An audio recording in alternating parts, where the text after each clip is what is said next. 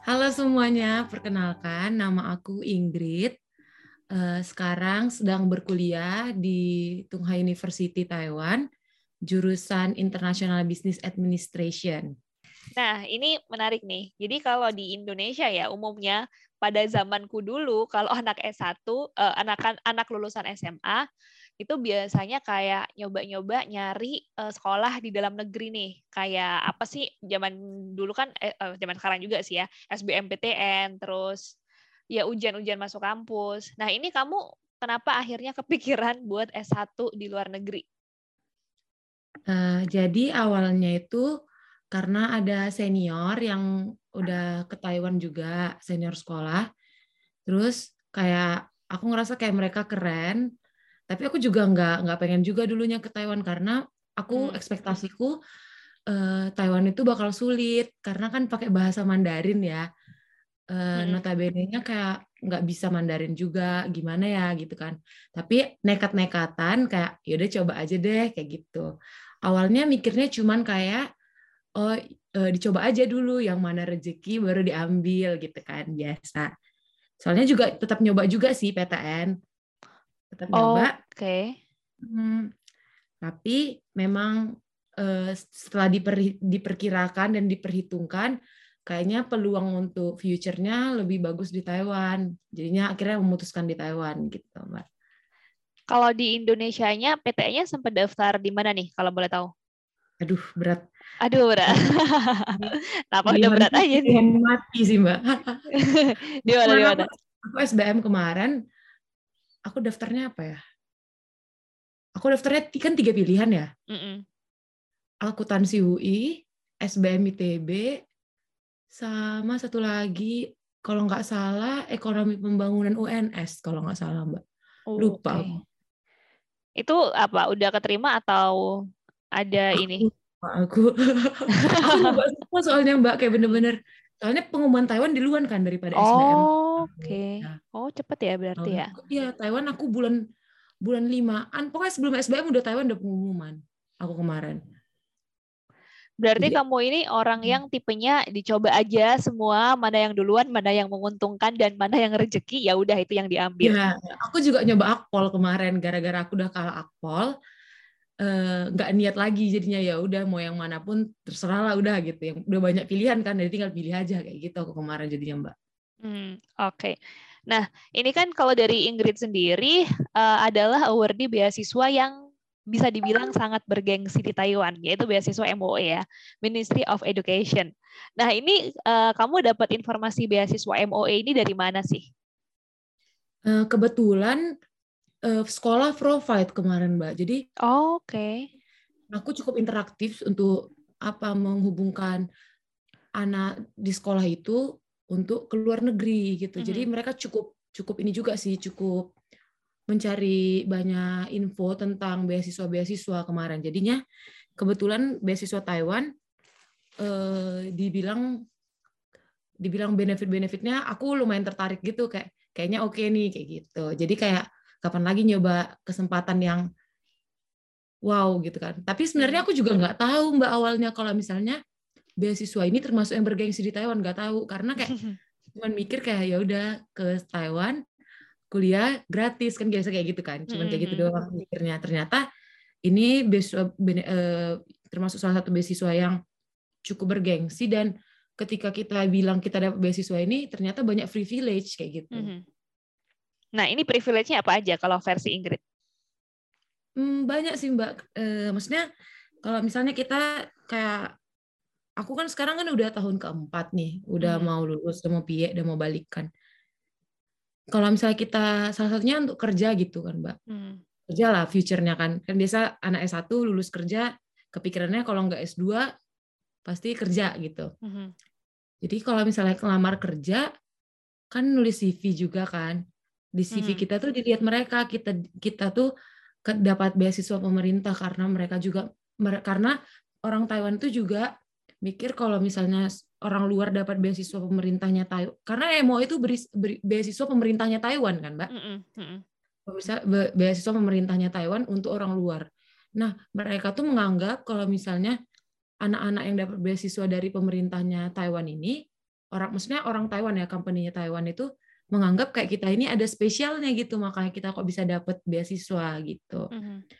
Jadi waktu kemarin aku interview lebih lebih gampang gitu mbak kayak lebih ini daripada teman-temanku yang lain dari ya gitu okay. lebih lebih gampang lah. Wah, menarik. Nah, kita sekarang uh, masuk ke sesi beasiswa MOE-nya sendiri karena di sosial medianya PP Taiwan tuh banyak banget yang kayak nanya-nanya tentang beasiswa ini. Nah, uh, mungkin dari Ingrid bisa diceritain nggak kayak step-step dalam mendaftar beasiswa MOE ini apa aja? Karena setahu aku dia kan ada kayak dua step ya, daftar kampusnya dulu uh, kita sendiri, lalu baru daftar si uh, aplikasi MOE-nya. Iya, jadi tapi penutupan pendaftaran kampus itu lebih lama daripada MOE, Mbak. Oh. Kalau Mbak sadar, gitu. Mm -mm. Kalau nanti cek-cek itu pasti MOE itu tutupnya kalau nggak salah 31 Maret, mm -hmm. sedangkan kampus itu masih bisa daftar sampai bulan 6 akhir atau bulan 5 akhir, aku lupa persisnya.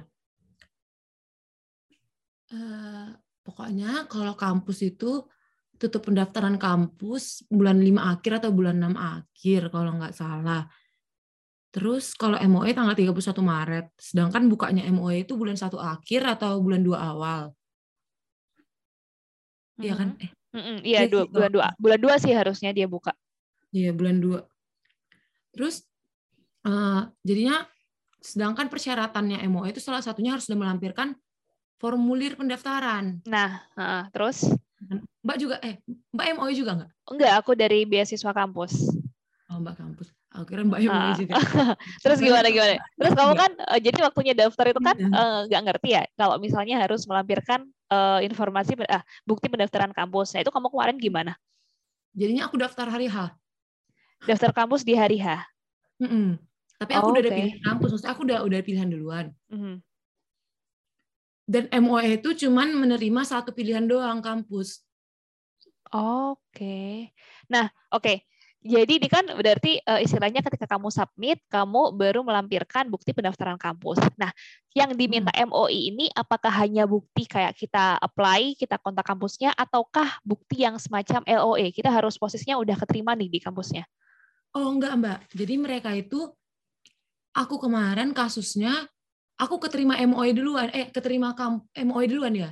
Oh. Jadi aku dapat MOE duluan, baru aku pengumuman kampus. Oke, tapi waktu daftar MOE dilampirkan kayak bukti pendaftaran kampus. Iya, formulirnya. Ah, oke okay, oke okay, oke. Okay. Kayaknya ini ya, sih kayak pendaftaran yang iya. part of pendaftaran yang penting gitu. Aku kemarin soalnya udah hampir empat tahun yang lalu ya, Mbak, tapi nggak tahu. Hmm. Kan uh, tiap tahun kan berubah ya hmm. regulasi.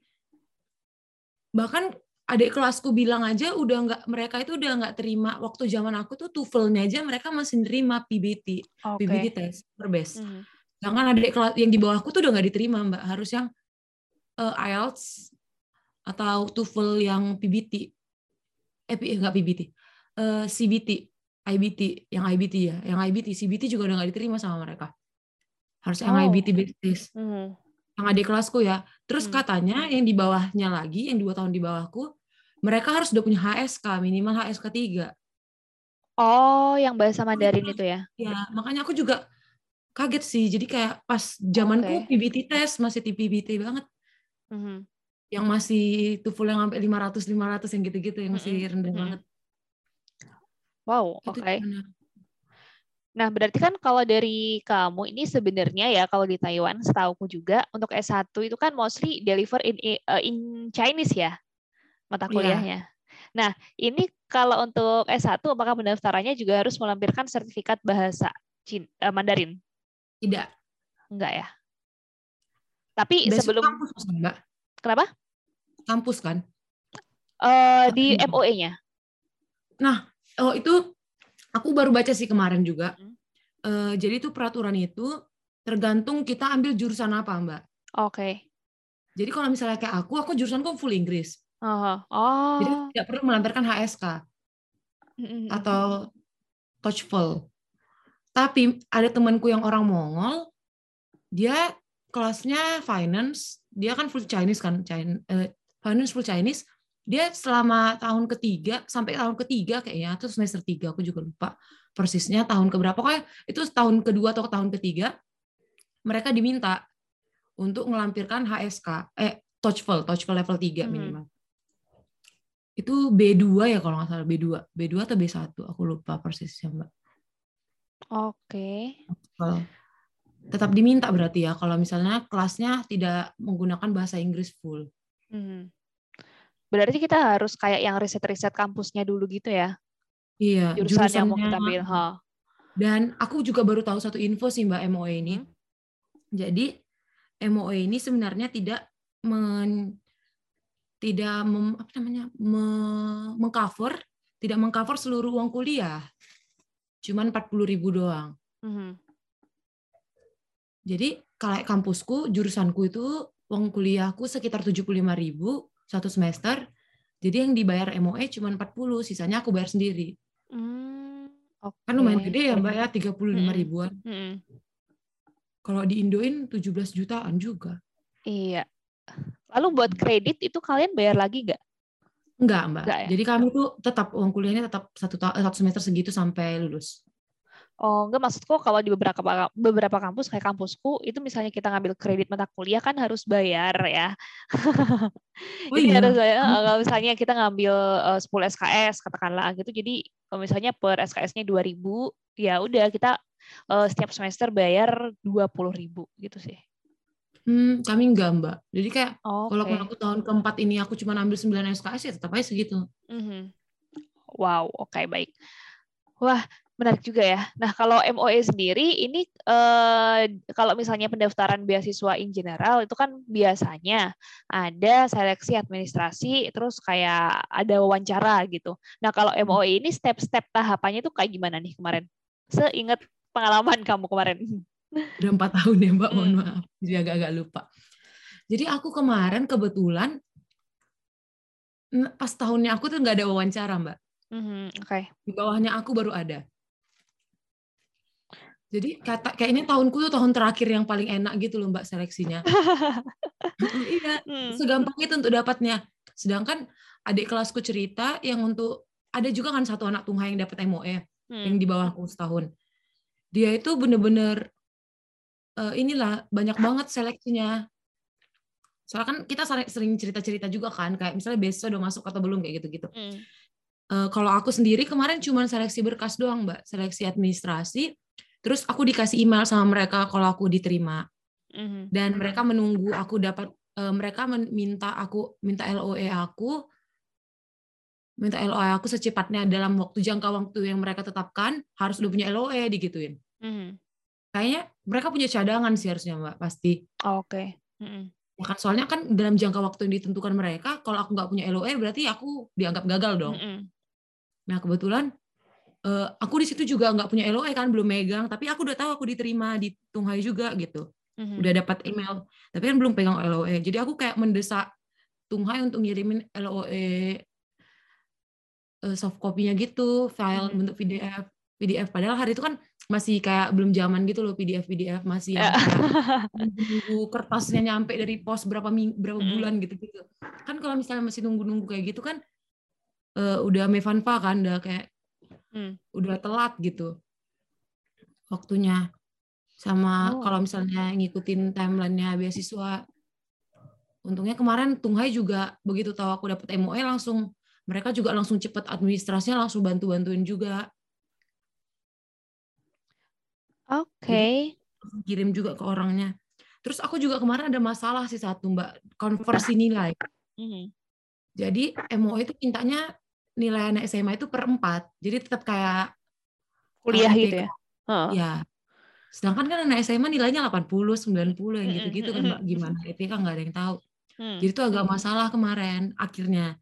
Jadi awalnya kan udah keterima, udah keterima dulu sih. Baru pas kan setelah diterima itu kan ada di apa berkas ulang lagi kan kayak untuk yang dikirim ke sini gitu ke Taiwannya. Jadi pas di situ mereka mintanya kayak gitu, jadi agak ribet sih per tiga per empat empat itu. Tapi akhirnya orang Teto mau bantuin, jadinya hmm. gak gimana gimana banget.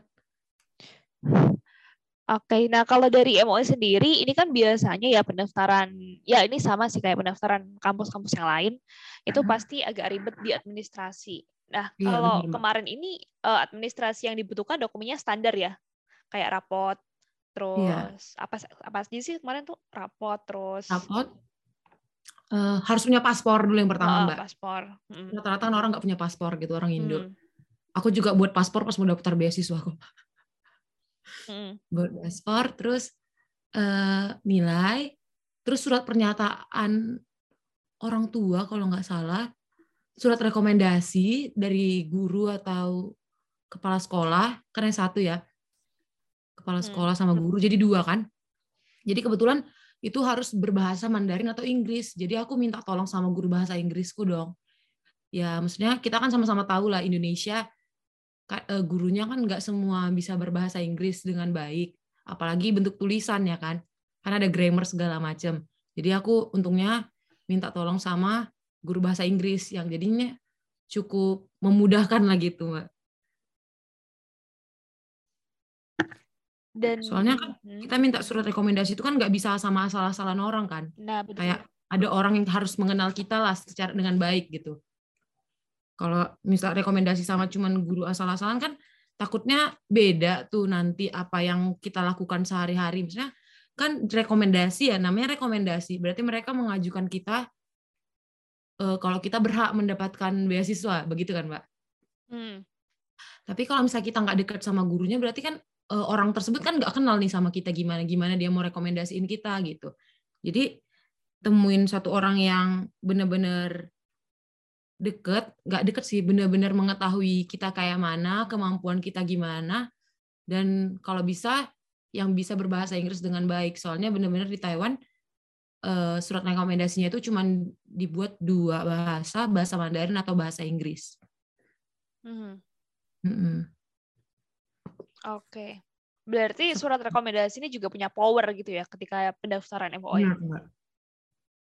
Nah, tapi kalau dari seluruh persyaratan administrasi dan proses yang kamu lalui untuk bisa menjadi seorang award di MOE, ini menurut Ingrid eh, part mana nih yang menurut kamu paling susah dan kayak effort banget, drama banget ketika dapat berkas lah mbak pastinya. Ini berkasnya apa? Berkas. Spesifik di berkas apa atau semuanya drama ketika dapat? Aku kemarin semuanya drama termasuk TOEFL keluarnya lama. Bahkan kita benar-benar surat eh, dan MOE ini minta semua berkas kita itu dikirim ke Teto Kartagraha dalam bentuk paper. Wow. Sedangkan aku dari Medan. Mm, Oke. Okay. Mbak tahu gimana kan betapa betapa singkunya singku pak betapa udah keluar nih Bataknya nih. Ini Bataknya nih soalnya. Gimana betapa singku apa bahasa Indonesia singku ya? Kayak ada kelasnya gitu. Gimana ya? Ya enggak sih? Kayak bayangin paper loh bentuk paper. Kalau zaman sekarang kan tinggal upload ya nggak susah. Kayak PDF PDF upload PDF PDF upload. Dulu nggak kayak masih harus scan scan jadi aku tuh sekolahnya uh, asrama, nggak tinggal sama orang tua. Hmm. Itu juga drama, Mbak. Oke. Okay. umur 17 tahun belum boleh buat paspor kalau nggak didampingi orang tua. Mm -mm. Drama. Oke, okay. uh, eh, paspor ribet, dokumen juga jauh ya iya. kan? Dan untung, untungnya kan aku sekolahnya tuh jauh banget mbak dari Medan gitu. Mm. Aku sekolahnya di Bali G, yang notabene-nya dari Bali G ke Medan itu bisa 8 jam. Oh my god. Naik bus, ya naik wow. bus. Karena itu bener-bener di bawah, Medan di atas, Bali di bawah, dekat Danau Toba di bawah-bawahnya gitu. Jadi bayangin untuk tes TOEFL aja harus makan waktu berapa lama, Mbak? Oke. Okay. Tes cuma ada di Medan. Oke, okay, cuma ada di Medan ya. Hmm. Itu benar-benar drama sekali. Oke, okay. aku bisa bayangin sih itu effort banget Uh, dan kalau TOEFL itu kan juga nggak bisa langsung keluar dengan cepat gitu kan. Iya. Masalahnya Mbak juga kemarin kita tuh kan anak asrama, aku asrama. Mm -hmm. Mau tes TOEFL aja kita nggak tahu tes TOEFL itu di mana. Jadi untungnya ada satu orang tua temen yang baik mau nganterin. Jadi kita datang ke Medan, orang tuanya jadinya nampung kita di rumahnya kayak gitu gitu Mbak bener-bener untunglah ada masih ada orang-orang baik yang dihadirkan Tuhan lah gitu lah Mbak udah ceritanya kemarin. Lama sekali kemarin itu. Oke. Nah, tapi kalau dari uh, kamu sendiri, ini untuk uh, bahasa Mandarinya, tadi kan udah bilang kayak emang nggak uh, uh, kelasnya emang delivery in English. Tapi ada kewajiban gitu nggak sih buat kayak kelas bahasa setahun atau melampirkan sertifikat bahasa Mandarin gitu? Untuk MOE enggak ada mbak, itu base uh, bahasa itu cuman kampus sih, peraturan tiap hmm. kampus beda-beda kan. Kalau Tunghai wajib satu tahun, oh. tapi kalau oh. MOE enggak ada. Oke, berarti kamu dulu satu tahun belajar bahasa dulu gitu ya? Iya, aku bahkan dua tahun Mandarin. Aduh keren banget. Aku aja Soalnya, masih belum ada bukan, bukan bukan hmm. bukan keren. tapi Terpaksa. Iya, jadi kan tahun pertama jadi nggak dihitung kredit. Mm-hmm, Oke. Okay. Karena ini kan Mandarinnya mesti jelek banget, jadi kayak hmm. dikasih kelas yang sebelum yang bener gitu, belum beneran hmm. gitu. Jadi kayak cuma yang dasar-dasar doang. Baru tahun keduanya baru yang beneran kayak gitu. Oke, baik. Nah, ini juga kalau aku podcast nggak mau lama-lama ya, kan nanti biar mendengarnya nggak ngantuk gitu. Jadi mungkin terakhir kali ya, kamu bisa kayak berbagi apa ya tips atau um, kayak motivasi, oh. cielah motivasi. Nah, uh, oh itu ter, uh, maksudnya MOE itu ada peraturannya juga. Kalau misalnya nilainya di bawah dari rekom dari permintaan mereka, beasiswanya bisa dicabut. Oh, itu kayaknya hmm. semua ini sih. Di kampus juga gitu sih. Cuman lebih gampang menurutku, Mbak, MOE punya. Karena kan oh. kan kalau kampus harus mendapatkan ranking kan, ranking kelas gitu. Mm -hmm. Peringkat gitu-gitu kan. Kalau MOE enggak. Jadi MOE itu cuma minta rata-rata kita 70, paling rendah. Oh. Jadi bisa aja tetap kita nggak misalnya ada mata kuliah kita yang nggak lulus, tapi kan nilai lain mendukung kayak gitu. Hmm. Jadi lebih menguntungkan daripada beasiswa kampus. Dan oh. beasiswa MUE kan juga dapat uang jajan ya, uang saku. Hmm, dua eh 15 ya kalau S1. S1 15. Hmm, 15 itu udah banyak banget gitu. Iya, banyak banget. udah foya-foya lah kalau gitu bahasa ini. Yeah. Cuman kan kalau di sendiri kan tadi uang kuliahku pun masih kurang gitu. Iya sih ya. Karena jadi kayak harus jadi, tabung sendiri buat nambah uang kuliah tuh. Bener. Tadi apa Mbak pertanyaan terakhir? Oke, yang terakhir aja deh mungkin bisa berbagi tips kali ya, kayak tips atau motivasi buat seluruh uh, teman-teman nih yang lagi pengen daftar beasiswa MOE itu biar apa ya lebih prepare dari pengalaman. Uh, mungkin persiapan dokumennya dari jauh-jauh hari. Maksudnya kan uh, secara nggak langsung sebenarnya itu itu mulu ya tiap hmm. tahun pasti ada tes bahasa Inggris, ada rekomendasi, udah bisa dicicil-cicil dari sekarang, dari secepat mungkin lah. Udah bisa pelan-pelan satu-satu, jangan kayak aku yang mepet, yang benar-benar penuh dengan drama dan perjuangan.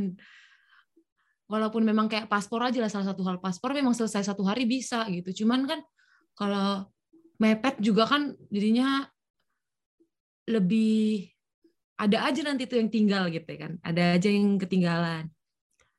Terus TOEFL juga persiapannya dari jauh-jauh hari karena nggak harus TOEFL sih, IELTS juga boleh tes bahasa Inggris lah gitu misalnya. Tes bahasa Inggris karena tes bahasa Mandarin kalau misalnya kita kelasnya nggak eh, pakai Mandarin kelasnya full Inggris kan nggak perlu nggak perlu HSK atau TOEFL. Tapi kalau misalnya kelasnya full Mandarin harus lampirkan. Itu juga kan udah bisa dipersiapkan dari jauh-jauh hari. Kalau mau belajar bimbingan, atau tes ulang-ulang tes kalau misalnya nilainya belum memuaskan bisa masih bisa diulang terus juga temukan orang-orang yang tepat untuk membuat rekomendasi letter recommendation letter benar-benar orang-orang yang tepat terus kalau bisa juga sertakan prestasi buat prestasi yang mungkin membanggakan di dalam recommendation letter karena recommendation itu memang benar-benar berpengaruh sekali untuk mendapatkan beasiswa menurut aku Lalu nilai, nilai di rapot dari semester 1 sampai 5 untuk eh 1 sampai 5 untuk anak SMA. Itu kalau bisa jangan ada nilai yang di bawah 8. Kalau bisa, tapi kalau nggak bisa juga ya nggak apa-apa.